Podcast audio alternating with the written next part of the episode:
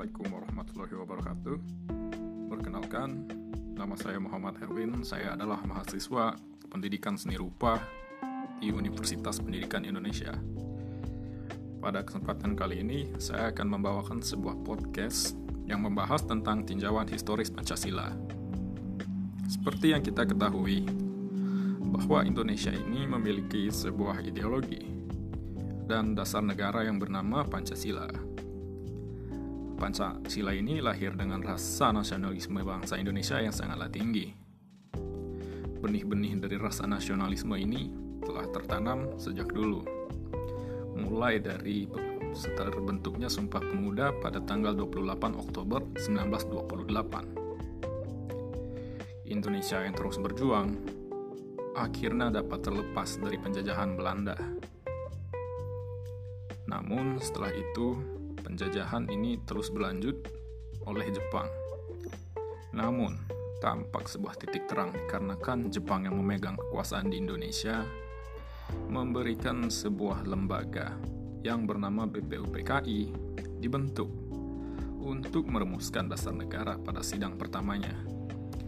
Pada masa inilah rakyat Indonesia sangatlah bersemangat karena pada saat inilah kita dapat membentuk sebuah dasar negara. Oleh tiga orang memberikan usulan untuk dasar negara Indonesia. Mereka adalah Soekarno, Supomo, dan Muhammad Yamin. Mereka memberikan usulan dasar-dasar negara yang dipikirkan berdasarkan aspek-aspek yang cocok untuk menjadi dasar negara Indonesia. Dengan demikian, dipilihlah nama Pancasila yang berisikan lima dasar negara.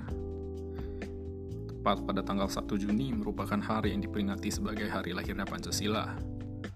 Setelah semua disusun secara, secara matang, pada sidang kedua BPUPKI, Pancasila ditetapkan sebagai dasar negara Indonesia. Semua hal tadi yang telah selesai, BPUPKI pun dibubarkan dan didirikanlah PPKI yang berguna untuk mengesahkan dasar-dasar negara dan membantu mempersiapkan kemerdekaan Indonesia. Namun, pada tanggal 16 Agustus 1945, terjadi sebuah peristiwa yang mana kaum muda menculik kaum kaum tua untuk mempercepat proses kemerdekaan negara Indonesia. Mereka pun melakukan perundingan dan permusyawarah maka resmi proklamasi akan dilaksanakan pada tanggal 17 Agustus 1948 dengan undang-undang yang disahkan pada kemudian harinya.